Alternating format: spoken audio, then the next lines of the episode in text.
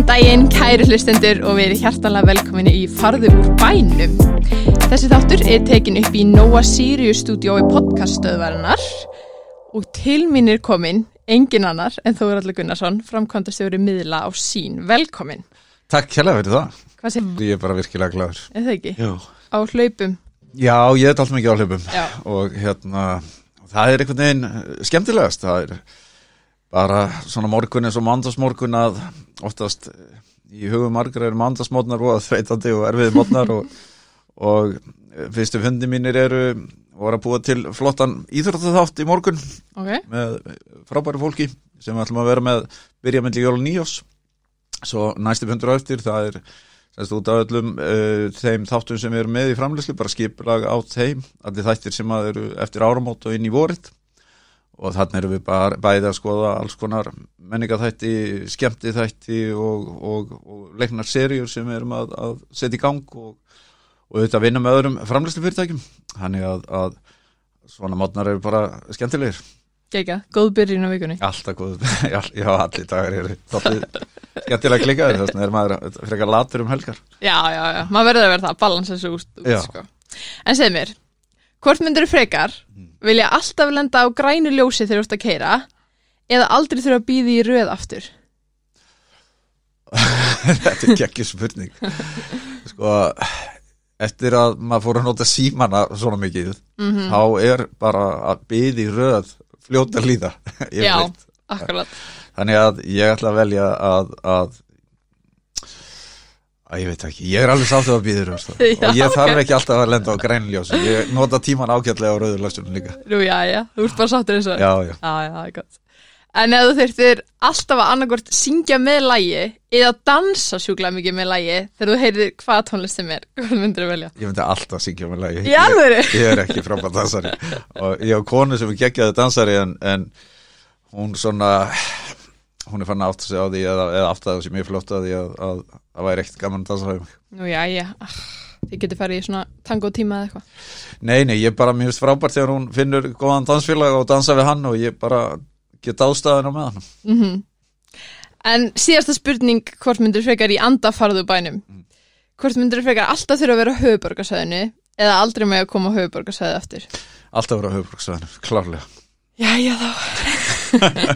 ég er alveg upp í Kópói uh, búið í miðbænum í Reykjavík í 27 ár og, og en mér finnst gaman að koma út á land en, en góður, ég bara vil búa í höfborginni Já.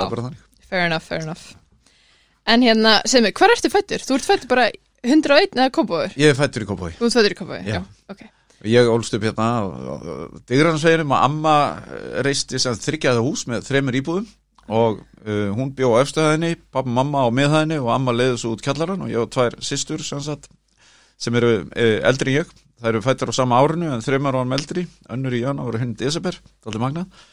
Og uh, síðan var ég þar sem sagt í þessu húsi til tíu ára aldus og það var alveg stórkostlegt að hafa ömmu uppi uh, hún var húsmarakennari og, og bara einhver besta manniska sem var hægt að hugsa sér og hafa nálægt sér í æskunni kendi mér óendilega margt uh, bæði að lesa bækur og, og, og hugsa svona um, um kannski aðra hluti heldur en, en svona dæmigert var fyrir krakka á þessum aldri.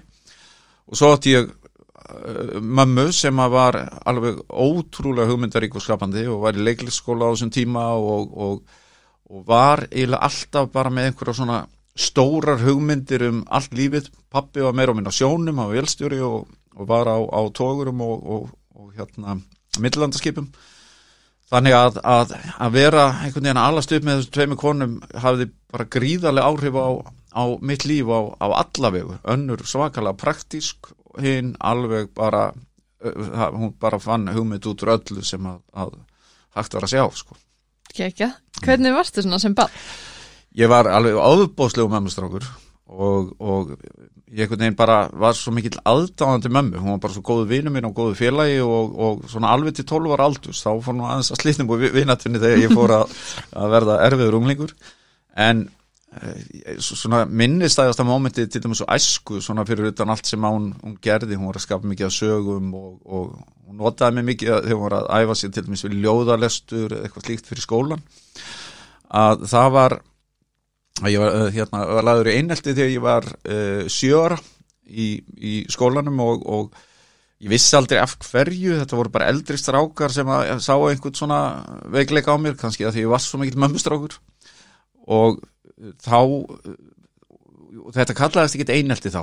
Ég veit ekkit hvað þetta kallaðist annað en bara þetta, þeir voru í mínum huga bara villingar og, og, og ég neitaði að fór út í fríminótur þóttist alltaf að vera veikur vegna þess að þeir tókum mig fyrir í fríminótunum og, og ég síðan vildi ég ekki fara í skólan, ég gæti ekki vakna eða gæti ekki semst hugsa mér að fara í skólan á, á, á modnana og þóttist vera veikur og mamma svona var alltaf að ganga á mig og fór mér til læknis og þeir fundi ekkit að mér. Og svo loksins fekk hún upp úr mér hvað Eh, sem sagt var að plaga mig. Og þá tekur hún bara þannig á málunum og spyr mig ok, og hverjir eru þetta og ég segi henni það og, og þá kerum við í skólan byggðum við á býðibílnum lappar inn á skólalóðina og talar við þess að tvo drengi. Og eftir það þá bara breytist allt. Þá fóru þeir nánast að ofvenda með þessi gær. Þá voru þetta orðið bara að ég var komin í liðið þeirra að ég, hérna, en þeir hættu líka bara að, að, að stríða. Og þá var það bara þannig að hún fór að tala við það og saði við þá hérna æstrákurum minn, hann er nú frekar svona, hann er nú ekki alveg svona flottur eins og þið sko. Og þeir eru, ég veit að þeir eru svona flottistrákar og, og, og klárir og, og bara verið ekkert að stríða hann, hann er voðalega viðkvæmur eitthvað. Og því kannski bara passið upp á hann fyrir mig. Og þeir bara tóku það hlutverk að sér og fór að passa upp á mig í staðan fyrir að, að stríða mér. Og eftir það var bara allt betra, það bara einhvern veginn það var bara svo stór ég treyst ekkert alveg til að byrja með. Mm -hmm. en, en en svo í framaldi þá bara var allt svo stórkostlegt. Og, og annað stórt móment er þegar ég tíara þú veist, ég hafði ekkert gaman að yfir skólanum. Ég fannst það illeðilegt, mér langaði bara að vera út í, í fótbolta bara eiginlega frá motti kvölds og, og þegar ég fekk kennara sem heiti Guðbjörg Emilstóttir hún bara snýri allir kennslu við hún let okkur uh, til dæmis leikarljóð í staðin fyrir að læraði utana hún bara tók alla kennslu einhvern veginn þannig að við fórum einhvern veginn í gegnum hann sem hópur, læriðum sem hópur saman. Hún las fyrir okkur fullorðinsögur í drekkutímanum en ekki einhverja smábarnansögur og kom fram við okkur bara eins og fullorða manneskjur og bjóð til nefndir með okkur. Hún var búið til funda um bara stöðuna í, í bekknum og, og einu vinkona mín var fyrirliði bekkjaliðsins í fótbolta sem að þótti mikill skandall í öllum öðrum bekkjum en hún leti okkur verða stolt að því að Guðrum Gunnars hérna söngkona mm. og, og annaði þeim dúr þannig að hún var ótrúlega mótandi kennari og, og ég bara hef endalust minnst hennar og Mér finnst alltaf gaman að hugsa til benskunar að ég hugsa nú ekki mikið tilbaka þú eða fegst mér til að hugsa um einhverja fortíð, að ég ætlaði að spyrja um mæskunum mína, ég hugsa mér eitthvað fram. En mér finnst alltaf gaman að hugsa um, um, um þessar konur sem að, að eiginlega uh, breytti lífið mínu og þetta einhelti hefur haft óbúslega jákvað áhrifu að, að ég var öðldar með að setja mér í spór annar sem að verða undir á einhvern nátt og að margir hafa lend í margfaldskjálfilegur hlutum þá getur maður allavega haft einhvern skilning. Mm -hmm. Var þetta eitthvað sem þú fórst að velta þér upp úr setna eða Nei. fannst þú bara að loka þessu þarna? Nei, úr? eina sem þetta hérna, hjálpaði mig með var að það getur vel verið að hafa verið stríðin og, og eflaust hérna, sært marga á lífsleðinni en, en ég held að þetta hefði nú kent mér það að ég vildi ekki gera uh, fólki það sem að mér var gert á þeim tíma það hafi svona setið eftir bara Já, akkurat Þú byrjaði að snemma að leika.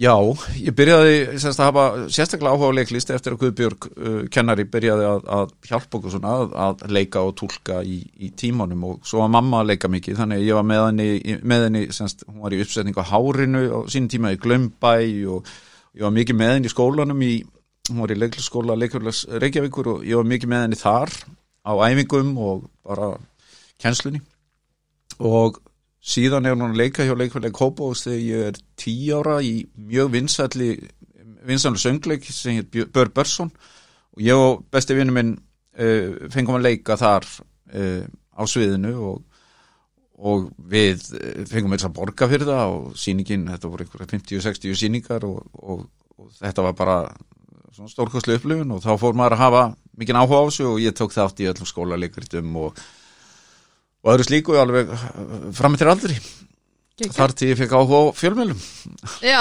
akkurat. En áður en að það gerist, þá fórst í LHI eða varstu komið með áhugan áður en þú ákast síðan að fara í LHI? Já, ég hef komið áhuga áður ég fór sem sagt, ég var uh, 15 ára þá uh, fekk ég að fyrir starfskynningu hjá RÚF og fekk að vera í tvo daga uh, þegar RÚF var neða á lögavi og það var bara algjör uppljómun þá fekk ég að hitta alla fréttamenn og dagskargerðamenn og, og, og fylgjast með útsendingum á kvöldin og, og semst í fréttum og veðri og öllu slíku og vera viðstættur upptöku og þáttum. Og þá bara breyttist heimurinn, þá langaði mig bara að vinna við fjölmiðla og,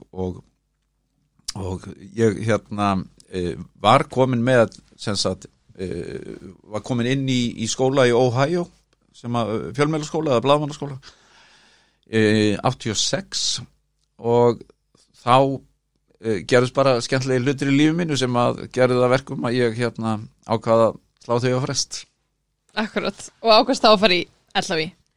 E, Já, með aðeins smá fórsögu það var eh, þannig að ég semst var að leika hjá leikaðið af hafnaferðar og, og hérna kynnist þar uh, indisleiri konu hún er komin tvo mánuð á leið sem sagt, ófrísk af, af sínu fyrsta barni og hún átti, hafði eignast að, eða hafði sagt búið það batt til með, með sænsku manni uh, en við erum bara svo ástofngin og, og hérna þannig að e, við byrjum bara að vera saman þegar hún var komin á þriða mánuð og ég var viðst eftir fæðinguna og það er Gunnar dóttir mín fættist sagt hérna, í 19. ágúst 87 þannig að mér dætt nú ekki huga að fara í eitthvað nám í óhæðu í bandaríkjónum í, í framhald af því.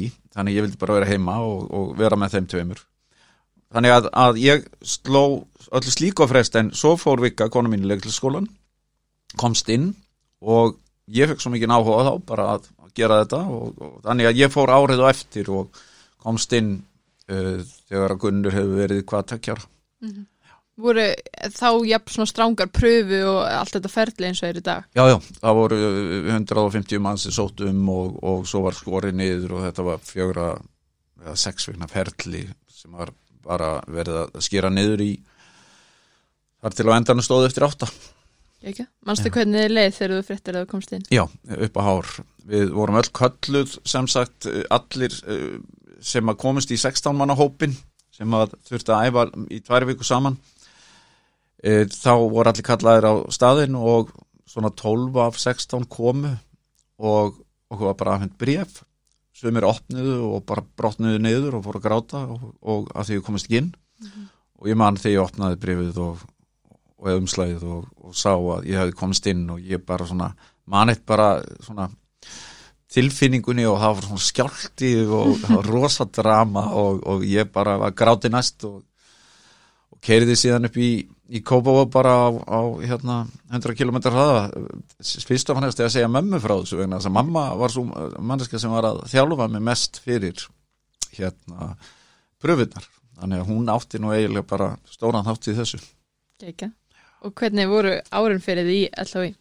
Þau voru alveg bara misskemmtileg. Það fór mikið eftir bara kennurum og leikstjórnum sem voru að vinna með okkur og, og það er bara, fólki er bara mismjöndi gefið að, að kenna og miðla ég, var í mjög skemmtilegum hópi uh, skemmtilegir hérna uh, sannumindur og, og stundum svona fannst mér þetta of að ég þarf bara einhvern veginn meiri aksjón og meiri reymingu og stundum fannst mér þetta of einhvern veginn svona gert óþarlega leiðinlegt bara þannig að þetta var bara mjög skemmtilegt Fair enough. Já. Og hérna, fórstu síðan beint í borgarleikusið? Nei, svo fór ég sagt e, norður til Akureyrar var þar Ah. eitt ár og leik batta í tjöflæginni þar og í helviti skemmtilegri síningu og e, í framhald að því þá stopnuðu við nokkri leikarar hafnafjörarleikusið Hermóð og Háð- Háðuvöru sem var fyrsta atvinnuleikusið í Hafnafjörði og fengum uh, Átna Ibsen uh, rithöfund til að skrifa fyrir okkur leikir sem heit Himnaríki sem að sló algjörlega í gegn. Þannig að, að bærim fylgdi sem hverju helgi að fólki sem svipað á Sóla Holm í dag. Og veitingastæði fylgdust og, og hérna við vorum með sem sagt, síndum held í 120-30 síningar og fórum á leiklistaháttir í Bonn og Bergen og, og uh, Stokkólmi þannig að uh, þetta var algjört æfintýri og í framhald af því var ég fastráðan við borgarleikusið var þar í fimm ár Snilt. yes. Og var það eftir það sem þú varst bara að heyrði, þetta er komið gott. Nei, það var sko samlega því að ég var í borgarleikusinu þá byrjaði ég mér útastætti á Rás 2 og síðan sjónvastætti á Rúf sem voru skemmtilega umdeldir og, og þá kom aftur upp þessi svona löngun að, að mér langaði að gera meira sjónvarp þannig að ég fór að leta skóla í, í hérna, útlöndum aftur og þá hafði ég eignast nýja konu og sem er Brynja Nordqvist. Við höfum kynst þarna e, nokkur um árum áður. Og, og hún er kona mín dag. Og hérna þóttir nú reyndar og svona eitthvað sniðut hefur kynntust. Á tíu ára aldursmunur á okkur. Hún er svona tíu ára meldri en ég og ég vissi að ég reyndar ekki fyrir setna að það var eitthvað tiltökumál. En hún var svona aðeins þekktar en ég á þeim tíu eða var þekkt bara sem bæði hérna svona fyrir setja og, og flugfrey og, og í tískusýningum og öðru. Þannig ég var ekkert að pæli í einhverju svona í kringum mig en það var einhverju hóp eða svona eitthvað fólk sem að, að hans þetta mjög skrítið og skemmtilegt. En allavega þá fer ég þarna í þetta nám í Goldsmiths University og, og læri uh, sjómas, þetta var svona sjómas fréttamennsku og sjómas framleiðsla og var þar í eitt ár og það var geggjað og þar hitt ég Jón Ólafsson sem að átti stöð 2 á þenn tíma. Og hann bauð mér í klubbin sinn, hann átti var aðilega einhverjum fáránlega flottum klubbi í London. Og þangað kom ég og hann bauð mér að koma yfir á stöð 2 þegar ég líki náminu. Og þar skrifuðu upp á samning á servjötu sem maður bara skrifaði launin mín og hvernig ég ætti að byrja og svo bara undirskrift og við báðu skrifuðum undir þessa blessuðu servjötu og, og svo bara um vorið ég hérna kláraði námið þá byrjaði ég semst að vinna fyrir stöðtöfu Var ekki þér sem langaði að halda áfram að vera út í London? Jú, mér langaði svo mikið að vera í London okay. en sko, ég var svo heppin að því að uh, kona mig á flugfræði þannig að hún komst mjög oft til mín og Gunnur kom mjög oft til mín og þær voru sjá, sá, hérna hjá mér alveg síðustu þrjár, neða tvær vikurnar uh, þegar ég var að klára uh, bæði rittgerðir og, og annað og, og mér langaði bara að vera þar og, og flytjast hongað helst. En, en einhvern tíma setna einhvern tíma setna kannski ekki alveg tíminn fyrir fjársamband? Nei, það var erfiðara. Þetta voru meira símtöl og, og þarna var, þetta var svona ör, rétt áður en MSN byrjaði en SMS-in voru. Og, uh, og, og tölvupostar það var hérna svona stóra málið en, en, en fimm áru setna þá hafði þetta verið bara strax auðveldara sko mm -hmm. Mm -hmm. Hvað fórst síðan að gera á stöð 2 þegar þú komst heim? Byrjaði með morgunsjónvarpið, eða var um sömarið í Íslandag, byrjaði með morgunsjónvarpið með Jóhanni Viljáms og, og það var byrjaði svona brjóðsótt við hérna, einhverju kölluð okkur margtröði morgunsárið því að við vorum svona smá tíma til að finna okkur og, og stilla okkur að. Við erum svona bæðið svona frekar áaða saman mannskjur og og en svo fór þetta að þróast í að verða hérna bara bæði þéttara og betra og, og fórum að móta þetta betur og, enduð með því að verða svona einhver vinsalsti sjónastáttur hérna stöðatöð og í framhaldið eftir tvö ár þá uh, fannst mér að vera svona komið gott en, en, en þá vildu þau fá okkur Ísland í dag. Þannig að við Jóhanna tókum áfram senst að tvö ár og stýrðum Ísland í dag sem að kannski aðeins helbriðari tími. Þá voru við að byrja sagt, hálf síu á kvöldin í staðin fyrir e, síu á mótnana mm -hmm. og, og það var æfintarlegu tímin líka. Svo fer Jóhanna út úr prógraminu eftir ár og Svann til Holm kemur inn sem var frábært e, líka. Gaman að vinna með henni. Þannig að, að já, þarna er ég til 2005 og þá verða svona breytingar, eigandabreitingar þá sem sagt eignast Jón Ásker fyrirtækið eh, ræðu Gunnar Smára eh, og menn hafa einhverju hugmyndur um að stopna svona NFS sem var svona sólaring fréttastöð. Og ég var ekki alveg eh, alveg að kaupa þetta. Mér finnst þetta ekki mér finnst þetta ekki einn vera á réttir leið allavega hvernig þeir ætlaði að gera þetta en það skipt svo smengum máli. Þannig að, að, að það var bara þeirra en ég semst óskaði að vera ekki þáttakandi í því en þeir buðið mér að vera með hérna nýjan uh, uh, svona rannsóknar blaðamennsku þátt uh, sem að uh, hétt Kompás. Og ég byrjaði að undirbúa hann þegar að Pál Magnússon útastjóri baði mig um að koma á fund með sér. Og það var mjög sérstaklega fundur vegna þess að það ringdi mig með engum fyrirvara og sagði Þorður, getur þú koma að hitt mig ég sagði, já, e, á morgun bara. Nei, núna bara klukkan fjögur. Hún er kort fyrir fjögur, já, klukkan fjögur. Ok, jú, kem. Og þá sagði hann mér að Lógi Bergmann sagt, hefði verið að hætta hjá Rúf og ég hafði komið mjög orð vegna þess að Lógi Bergmann og Svanhildur hefði verið hjá mér og Brynju upp í sumabústað bara tveimit dögum áður. Ah. og Lógi var þá að fara að uh, byrja með einhvern stóran magasín þátt upp á Rúf sem að afti sem þetta samin er þarna þrjá uh, þætti, Kastljós unlingaþáttin Óbið og menningaþáttin Mósæk og ég var að fara að byrja með kompás þannig að við vorum bara að spjalla um þetta. Nema það þegar Palli segi með þetta að Lógi sé hættur, hans í farnir voru stöð 2 að þeir hafi kipt hann yfir með einhver fyrirvara. Þá segir hann hérna og ég vil fá þig í staðinn og ég vil að þú takir yfir þennan þátt og rittstýrir semst að tónum og ég sagði við hann já, hérna ég þarf að hugsa þetta, nei, þú mátt ekki hugsa þetta. Þú fer ekki hérna út af skrifstofunum fyrir þú búin að ekki þetta. Og ég ringdi í reyndar ringi Brynju sem voru út í Tókjó á þessum tíma og hún saði bara, hún var, held að það hefði verið á klukkan miðan nótt hjá henni þegar hún, ég náði loks í hana og hún segi, æ, gerðu bara það sem hún vilt, hérna, ekki vera að trubla mig með þess, þú ert vanur að gera það sem þú vilt og uh, eh, neðustan var svo sens að, að, ég var hann einhverja fjóru tíma hjá Palla og, og við kláraðum semst að tekna þetta upp og, og ég hefði tíu dag til að koma sem þætti í loftið og hann, hann baði mig bara með byrjum morgun eftir og svo þegar ég gekk út á skrifstofni hjá hann þá var ég með tölvöld mikið að mist kolfs frá hérna, félögum minnum á stöð 2 og Gunnar Smára sem hefði frétta af, af einhverjum ástæðum að ég væri þarna hjá Palla mm. og upp á rúf en allavega eh, ég bara byrjaði strax daginn eftir og með geggjum hópi. Kristjáni Kristján, Sigmari Guðmus Ragnhildi Steinni, Þóru Tómasar eh, Eirunu Magnús Jón Takarðarsinni og fekk síðan Jóhann Viljáns yfir af stöð 2 og yfir.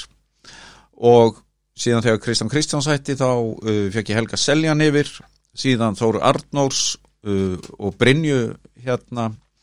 Þannig að, að þetta var bara rosalega solid hópur, við vorum með klukkutíma á hverju kvöldi um, og Eva Maria Jóns líka.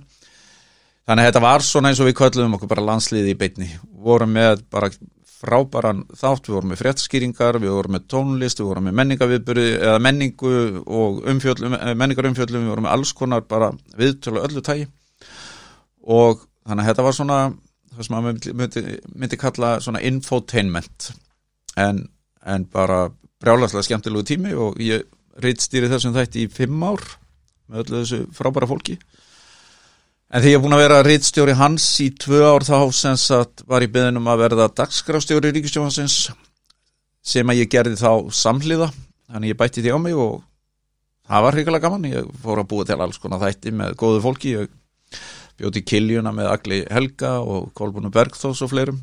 Og útsvarið útsvarið var hvað ég 11-12 ár sem spurninga þáttu þjóðarinnar og hann er verið til þannig að við bara setjust nokkur inn á fund og og segjum bara, heyrðu, ok búin til skemmtilega spurningaþátt. Eina sem ég langar að gera er að, að það séu bara stæstu bæjarfélag landsins að keppa en stelum bara því sem okkur finnst skemmtilegust úr öllum spurningaþáttum sem til er mm. og þannig var þann bara til. Stálum bara öllu sem okkur fannst niður til önnu þáttum og, og svona og svo var það að vera ein fræg manneskja úr sagt, hverju bæjarfélagi með Já.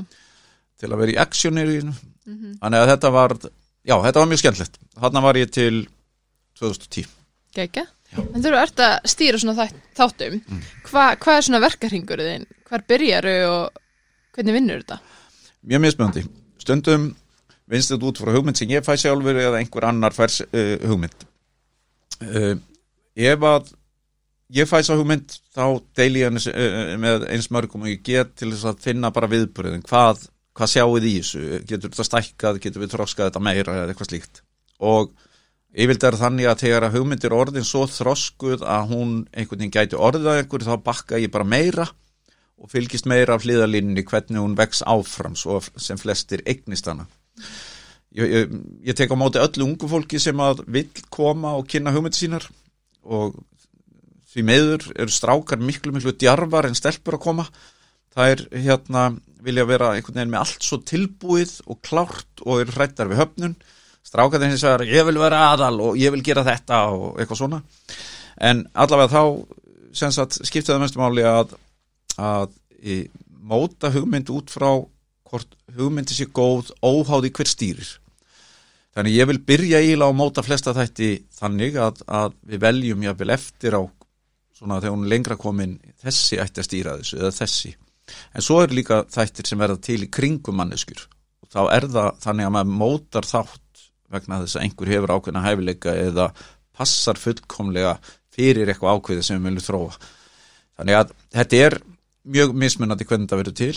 Uh, Leikinserja sem að ég framleiti fyrir Rúf, því ég var á sagafilm, heitir uh, Ráðherran, sem var fyrir síðan fyrir tveimur árum, ári. Þar koma uh, tveir ungir uh, handitahöfundur sem hefur enga reynslu og uh, þau komu bara með svo stórkoslega hugmynd uh, sem var nánast bara setning á bladi sem var okkur langar að gera seri um, um mann sem að verður ráðherra eða fósatsráðherra og, og, og greini síðan með hvar að síki í ennbætti og þegar að svona hugmynd kviknar einhvern veginn fyrir framann þá sér maður öll tækifærin. Þannig að við fórum bara strax í að, að þróa þá hugmynd og hún varð síðan að 8-8 serju sem var ekkert smá vinsal sem var ekkert smá vinsal Málst eftir einhverju svona var eitthvað svona turning point í ferlinniðinum eitthvað svona sem að allt í innu byrja síminu ringi á fullu eða eitthvað svona meira en annað? Nei það er ekkit ákveður þetta er einhvern veginn svona flætt alltið áfram og, og einu turning pointin er bara sem ég set. Ég hérna ákvað árið 2000 tók tvær stórar ákvarðanir. Það er annars vegar að, að uh, skil alltaf auðu í kostningum sem var, það var nú kannski af, af ástæðu vegna þess að ég fann aldrei neitt flokk, ég finn bara fólk en ég get ekki valið flokka, ég bara, mér er það lífsins ómögulegt. Og hitt er að hugsa allt í tveimur árum. Að ef ég teka með verkefni þá hugsa ég bara til tvekkjári senn og meta síðan er ástæða til að halda áfram að því það eru ennþá tækifæri til vakstar eða er komið gott og, uh, og svona ástæða til að afhenda öðrum keflið. Og þegar þú tekur svona ákverðun þá ertu þarfst að fylgja alltaf svona sterkri hugmyndafræði, eigin hugmyndafræði og vinna alltaf með svona eins skapandi og pínlítið svona aggressífi fólki sem er alltaf gaman, sem hefur áhrif á þig og er í andstöðu við þig oft sem er gott. Og þá svona e, vegna þess að það er mikil pressa þegar þú með fréttatengta þætti frá pólitík, frá hagsmun og öflum, stundum frá eigandum um að þú gerir eitthvað ákveðið og til þess að forðast það þá bjóði mér alltaf til svona sjóð, peningasjóð sem að ég geti gengið það sem vísum þannig ég geti gengið út úr hvaða fyrirtæki sem er fyrirvara-laust ef einhver ætlaði að búlíja mig. Þannig að þetta hefur svona hjálpað mér í að halda sjálfstæði í störfum að ég væri aldrei háður neinu eða neinum. Og þannig hefur raunni allt ferli mitt verið, það hefur verið alltaf í tveggjára skrefum alveg fram á þennan dag Geika Þetta er huga eitthvað svona eitt verkefni sem er svona erfiðar en annað? Eitthvað sem þú varst alveg bara á brúninni? Sko það voru mörg verkefni til þess að eins og í kastljósi sem var mjög erfitt. Í mann eftir því þegar við vorum með breyðavíkur um fjölduna um, um, um drengi sem voru misnátaður á breyðavíkur heimilinu fyrir vestan að það sem var erfiðast við það var að fjölmarkið er að ringdu í mig á kvöldin sögðu með sögu sína en voru ekki tilbúin að koma fram. En ég var orðin eitthvað skonar andlit á samt fleirum í þættinum bara þeir vildu deila uh, líðansinu og, og, og, og sögu. Og það var svona tók á einfallega vegna þess að að, að bara að hlusta á, á, á sorgina og, vanlíðanina og, óttan við síðan að segja frá þessu öðrum en okkur og það í símtali yfirlt á kvöldin og fram á nótt. Það fannst mér uh, það tók á. Það tók á líka þegar við vorum með stórar umfjallinir um, um málið svo bögsmálið stóra sem að, að við vorum með í Kastljósi. Ég og Sigmar Guðmundsson gerðum stóra fréttaskýringu um, um bög og, og í rauninni upphaf bögsmálisins og hvernig e, þetta snýrist alltaf um ykkur að snekju á Flórida og, og annað að eftir þá umfjöllun þá voru flesti lögmenn landsins sem að voru á mála hjá bögi að skrifa e, semst alls konar greinar í öll dagblöðin um að við fengja þessa frásögn. Þannig að við, ég og Simar vorum bara fram á nætur að svara sagt, í dagblöðum alls konar ásökunum og, og, og ósanindum meðal annars það að, að Jón Áskir kom með þau ósanindi í opni brefi í morgublaðinu að ég hefði væri tengdur Jóni Geraldi sem var einna aðal mönnunum málunu og ég hefði sjálfur verið á þessari snekju á Flórida og ég veist mjög meður að hann skildi hafa sagt ósatt hann og, og ekki síst vegna þess að ég hafði aldrei komið til Flórida og aldrei komið þá af þeim ástæðum borðið í þess að snekju en hann baði mig afsökunar setna en hann hefur svo sem aldrei gert það ofinbellega en ég leta að döga Já, þetta er í huga eitthvað svona verkefni sem hefur svona að ég hef nú bara verið til í að sleppa þessu Nei, það er svo skrítið að ég hérna, það eru verkefni sem ég hafði alveg fyrirvara á, fyrirvara á fyrirfram, mm -hmm. það var verkefni eins og ég var ekkert vissum að ég væri til í að framleiða seríu eins og Biggest Loser til dæmis mm -hmm. en við leiðum ákveður að gera það og ákveða ég ætla að gera það þannig að við gerum þetta fallega og vel og með virðingu fyrir öllum þá verðum við bara ástofangin af verkinu og, og í rauninni öllu fólkinu sem er, kemur að þessu og er partur af þessu þannig að, að nei, ég hef alltaf bara fundið hvað getur orðið áhugavert við hvert verkefni sem ég uh, fæ í hendur raunverulega. Og svo hefur maður bara valum að hafna. Að en ég, það er alls konar móment og, en, en það eru svona þættir sem að mér þykir óendilega væntum uh, 2015 þá er ég að horfa bara fréttir frá loslasrástefni í París og og fekk þá hugmynd sem var eiginlega galin á þeim tíma að, að gera tíu þáttaserið um loslasmál og það tók alveg þrjú ár að vinna þá sériu sem að endaði í þáttunum hvað höfum við gert sem voru syndir síðan á, á rúf en í því ferli að tala við bæði fræðimenn eh, sem að voru feimnir við að tjá sig um þetta og fann svona eins og að þeir væri með einhverjum upplýsingar sem þeir geti ekki deilt með þjóðinni því þá eru þjóðin svo rætt yfir í því að opna sér meira og meira og, og, og okkur langaði bara einhvern veginn að, að, að setja þátt sem að á loftið sem allir skildu. Við vildum klippan þétt, við vildum gera hann þannig að að, að e, ungd fólk og, og eldra geti skilið samingi í þessum álum og mér áttu vantu það, þeir eru kennsluðurinn í skólum og, og það eru ansið margir þættir sem að bæði við á stöð 2 og, og ég og Rúf og ég í sagafilm framleitt sem eru kennsluöfni og það finnst mér alltaf óbúslega gaman, skemmtlegt Akkurat, þú lítur að fá mjög mikið af svona hugmyndum til þín Já. Finnst þér einhvern tíma erfitt að segja nei eða er þetta orðin bara því? Nei, sko, ég segi mér sjálf það í nei. Mm. Ég vil segja alltaf já og að því að mér finnst eiginlega allar hugmyndir, ég sé eitthvað í þeim en svo er það bara spilning hvernig við getum fyllt þeim eftir. Ég hef sjaldan heyrt vonda hugmynd sem er ekki hægt að finna eitthvað í og svo er það alltaf spurningum ef einhver kemur goða hugmynd til mín þá byrði ég vilt viðkomandum að halda áfram aðeins lengra með hana svo hann eignist meir í henni og komið svo með hana aftur.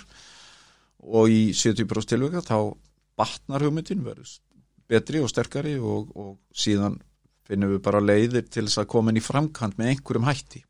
Og tækifæri núna eins og að nú rek ég alla fjölmila hérna, 2 og Vótumón að við erum búin að skapa svo mikið farveg fyrir mörg marga talenta. Við erum með sjómastöð sem heitir stöðu 2 vísi við erum með stöð 2, við erum með stöð 2 plus, við erum með e, vísi sjálfan, við erum með hérna, hlaðvarpsveitur veitu, með e, fullta hlaðvarpum við erum með náttúrulega hérna, íþróttastöðar, við erum með möguleika á að búa til svo mikið af efni með svo ólíku talentum á svona ólíkum stöðum og sumt að þessu geta orðið lítil verkefni sem að geta orðið enn stærri síðan, síðan meir þannig að, að tækifærin eru endalus Akkurat. Hvað eru skrýtnustu skilabóð sem það hefur nokkuð tíma fengið?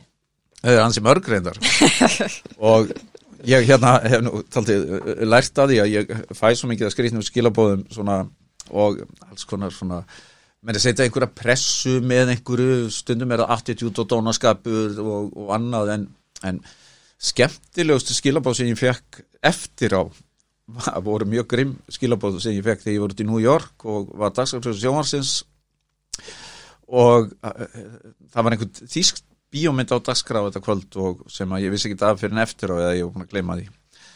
Og fekk skilabóðum að ég væri algjör fáiði aumingi og asni og ætti ekki að vera dagskrafstjóri og ég væri lélegast dagskrafstjóri sem að, að sjónvarpið hefði nokt með hann haft í vinnu og, og ég ætti að skammast mín og helst að hætta þessu. Og ég bara aftan, já og, og í, framaldi var það sko að setja þíska bíómynd á höstaskvöldi er eitthvað að heimskulegast að síðan nokkuð tíman hérna, séð og upplifað. Og ég hugsaði með mér á ég að svara með skettingi eða á ég að gera eitthvað allt annað. Hann ég svara og byðin hann einstakling bara afsökunar og segi bara ég er algjörlega miður mín og, og sérstaklega fyrir að hafa bröðustónum að setja svona vonda bíómynd á höstaskvöld og ég ætli bara að læra að þessu og, og muni eh, alls ekki gera svona aftur. Og ég vona hann geti fyrirgefið mér. Þá fekk ég SMS komið setna það sem hann byggði með afsökunar og sagði ég aftur ekki vona á nokkur myndi svara þessu. Málið var það að ég átti hræðilegan dag. Allur dagurinn í vinninu var ömurlegur. Þegar ég kom heim þá var einhvern veginn allt á móti mér. Og ég hugsaði með mér ég ætla bara að setjast yfir fram á sjónvarpið og horfa á eitthvað gott í sjónvarpinu. Og þá var þessi þíska bíómynd og ég gæti ekki öskraða neitt nema veggin eða þig. Og ég ákvað bara að senda í reyðikasti þetta SMS bara í þeirri vonum að ég veri búin að losa eitthvað við, uh, svona frá mér þannig að mér hætti þetta svar bara mjög hallegt og heðalegt og, og hérna og svona hef kannski lært það í framhald að þessu að reyna að vera skvurt þessu ég get þegar að einhver gaggrínir en ég það stundum að hafa heimil á mér maður heyrir oft um svona morgunrútinir framkvæmdastjóra Já. svona, I wake up at 5 a.m. and Já. I go for a jog og svona, ert þú með einhver morgunrútin? Nei, hún er ekkert sem rútína. Ég stilla alltaf klukkuna klukkan 7.10 en ég er alltaf vaknaði 6 ok, og ég fer alveg snemma að sofa. Þannig að það er kannski ástæða fyrir því. Og ég vakna í rauninni eh, langar alveg að sofa lengur en þá byrja bara alls konar svona hlutir að tekja í hausnum á mér. Fæ einhverju hugmynd eða mann eftir einhverju eða eitthvað slíkt. Þannig að ég bara fer fram úr og svo fæ ég mig bara lýsi og, og einn sterkan kaffibotla og sest við tölvuna og er þar til svona já, um, halv átta og, og byrja að hlusta á, á útastættin okkar, skiptu svona á millið þeirra. Og, og hérna svo er það bara já, ég næja að klára mikið af tölvupóstum á þessu tíma og þetta er svona bara ró yfir öllu. Og svo er það bara styrta og, og mæti vinnu. En á, sem sagt tvo mánuði ári er ég ekki svona hress. Ég, í janúar og februar og svona miðan desember þá get, gæti ég alveg soðið til 11 ég er bara miklu miklu þingri á þessum tíma. Þannig að ég eh, hef svona, svona gert að reglu að, að reyna að komast í sól og reyna bara að fá meiri byrtu á þessum tíma bara með einhver svona lampa sem að ég ger hérna, ég er búin aftur með því bara að ég, þetta er svona einhver vottur af skamdegis þunglindi sem ég bara næja fyrirbyggja með því að, að vita að það getur helst yfir mig þú lítur einmitt út fyrir að vera mjög svona örugur í Já. er þetta þá eitthvað sem hefur áhrif á það? Nei, ekki held ég á, á og ég reyna að passa að það hafi ekki áhrif á starfsfólkið en, en hérna þau eru nú svo góðu með að, að þau nippa í mig og spyrja er eitthvað þungt yfir þér? Og þá get ég alveg verið þungur á svip þegar ég er að klára eitthvað og það er bara góð, góð áminningum að, að ef maður er mjög þungt hugsi að þá getur maður verið að senda skilabótt til samstagsmannum að það sé eitthvað að eða að eitthvað sem þau þurfa að ágjöra eða eitthvað slíkt. En en að, þegar maður vinnur með góðu fólki þá, þá verður það líka jætt mikið að vakta mig eins og ég er að vakta það þannig að, að en, en ég er svona, já ég, þetta er eh, hlutir sem að maður verður bara að passa sem stjórnandi Já, akkurat. En verður aldrei svona þreyttur á hugsunni þínum? Ertu ekki alltaf að hugsa um hvað getur gert eða hvað getur bætt eða hvernig þetta verður og svoleiðis? Jú, sko, hefnin er svo að þegar þú ert með svona marga fjölmiðla þá ertu með svo óbúslega mikið ólíku fólki sem þú ert að vinna með og, og ólíkum hugmyndum sem gera það verkum að það er eiginlega kvild að fara að ræða vísi og framtíð vísis eða efnistök og vísi og yfir í að ræða íþróttunar og sportið og næst hvernig ætlum við að hugsa frettina til framtíðarinnar eða framtíðar eða, eða hva- hvað ætlum við að gera í þáttagerð milli jól og nýjás eða í vor.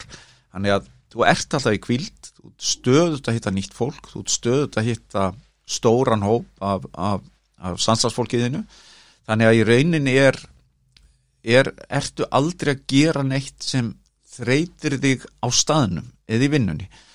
Það sem að getur uh, það eru þetta moment sem getur orðið þreytandi þú ert að taka stáfinn einhver ákveðna hluti en, en ég finn helst þreytuna hellast yfir mig um helgar og venjulega vakna ég svona stemma um helgar en þá fer ég bara niður uh, er í tölvunni í svona klukkutíma svo fer ég bara inn í sófa og uh, er að lesa og sef til 11 bara í sófan mér finnst það geggjað. Og það er bara algjör ró og, og, og, hérna, og gerir það á sundarsmátnum líka. Þannig að ég er ekki alveg aktífur sagt fyrir hátið og þá einhvern veginn bara svo nægi allir í þreytu vikunar úr mér Gekja. Og tekur þið svo líka frí um helgar?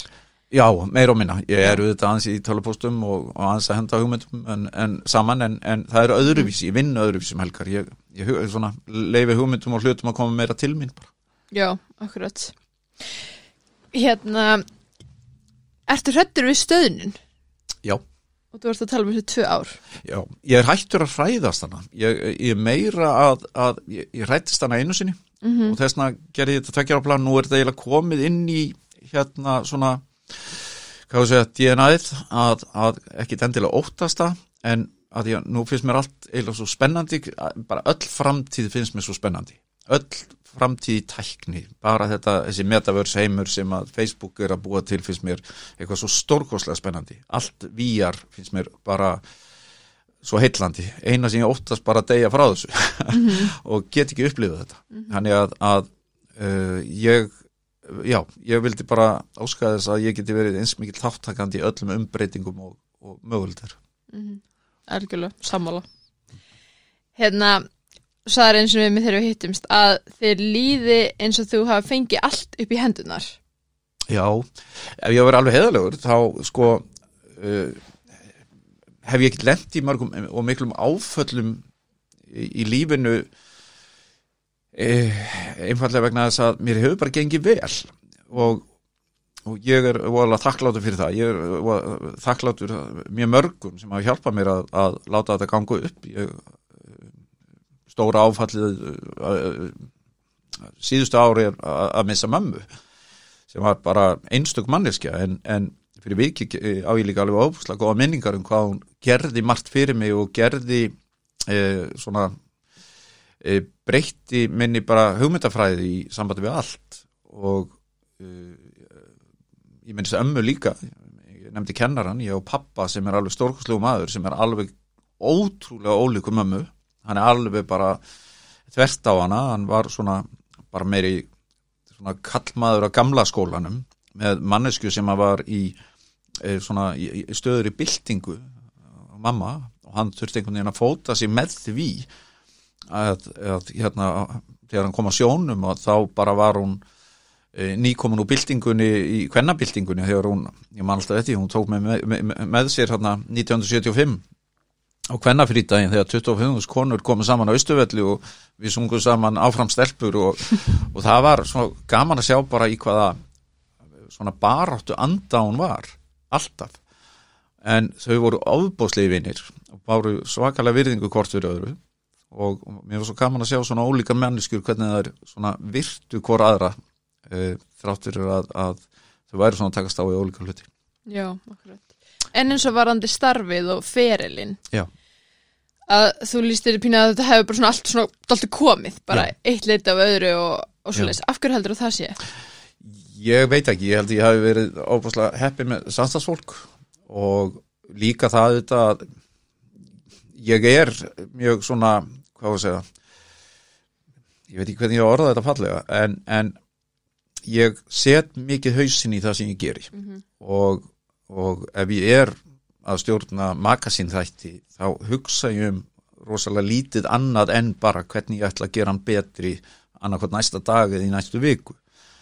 Og ég get alveg orðið þreyttur á því síðan að ég losa eins og svo mikið sem geta bara loka tölvunni sinni klukkan 5 og farið heim og hugsað um eitthvað allt annað að, að tölvan mín er hausin á mér. Hún eldi mig bara 24 tíma og sólaring en það er líka eitthvað sem að taka fyrir að, að hafa með sér. Og ég er mjög minnur, ég man allt mjög vel en ég skrif ekki drosalega mikið í töluna hjá mér. Ég setja bara svona í skúfur í hausnum á mér og ég er með svona skúfu fyrir hvert verkefni bara sem ég fer í og sæki um, ég held að að ég get líka bara verið mjög þakkláttu fyrir það ég og konu sem að hefur sínt mér alveg óbúslega skilning hún hérna eiginlega leiði mér að vera eins og ég er og ég vona að ég leiði henni á, á sama hátt að vera bara eins og hún er og við erum svona oft frekar skrítin en, en ég held að við séum alveg í þokkalegu lægi þannig sé þannig að ég hef bara fengið svigurum til þess að einbytta mér að þessu og fyrir vikið að njóta þess líka Já, ekki.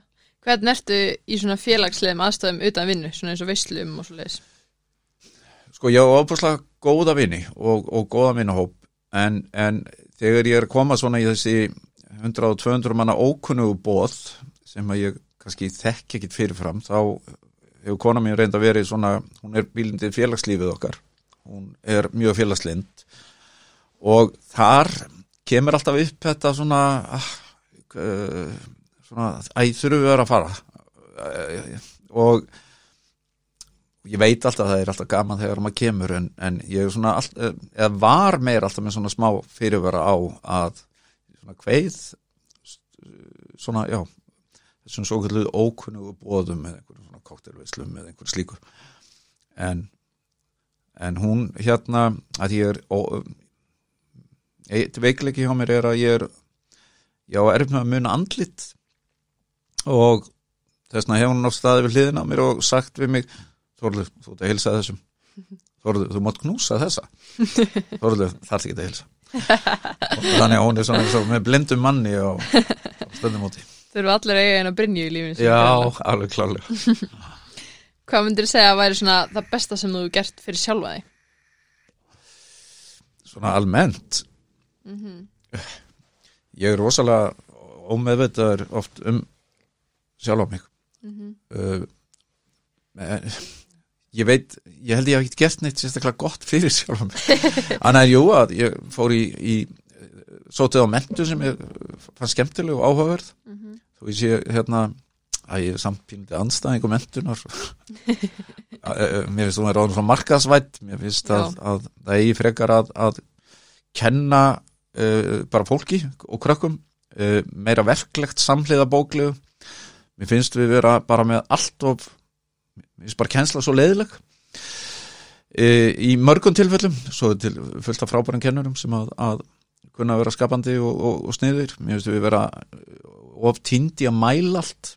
Í staðan fyrir einhvern veginn að reyna bara að skinja hvernig við getum orðið betri í öllu og vera aðeins slakar í gagvart mælikvörðunum eldast við einhverjar e, písakannanir sem er einhver svona einhver talnaleikveimi e, einhverja kennara í, eða, eða stjórnvalda í, í Evrópu.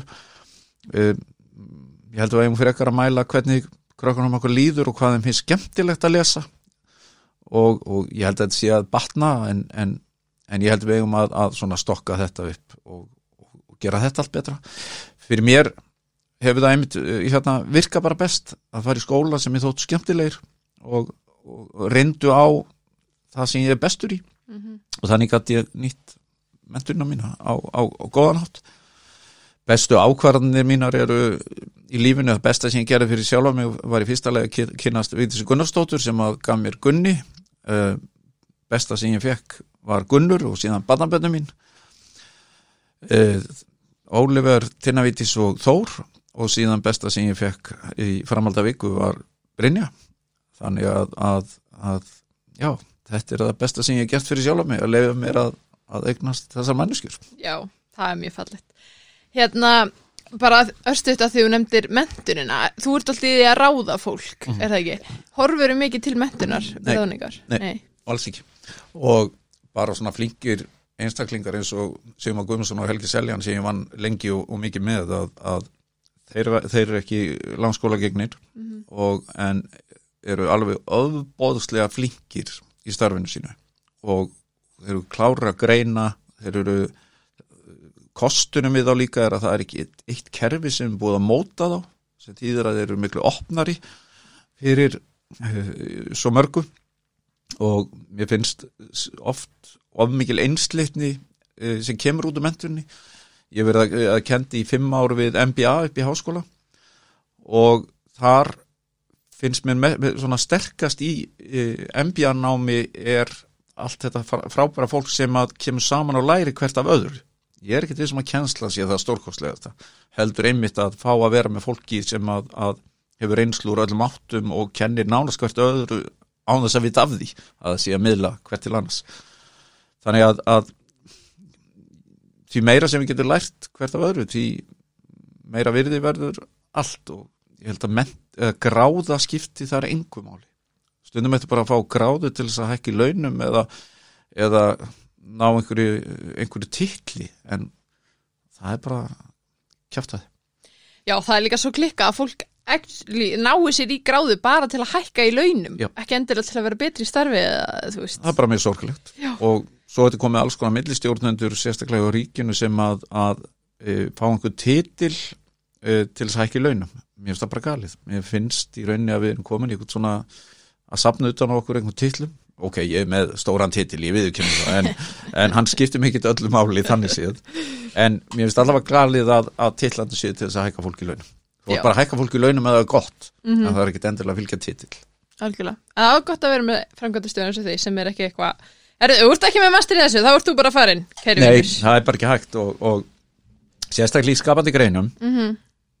Sem að, að við erum í að, að þá skipta próf ekkit öllu máli en nema þú hafi notað námiður rétt Já, til þess að læra en ekki náður ykkur á því já, algjörlega. Ó, þú ert svo jákvæður og drífandi, þetta er bara orðið geggjað og bara takk kærlega fyrir að koma. Ég veit, þú ert ekki mikið fyrir að mæti við til, þannig að ég er mjög þakklátt. Heri, Þetta var virkilega gaman og ég bara óskaði velgengni og, og ég veit á þetta eftir að ná langt á þeim sviðum sem þú ákveður að starfa við Takk kærlega fyrir það. Takk svo með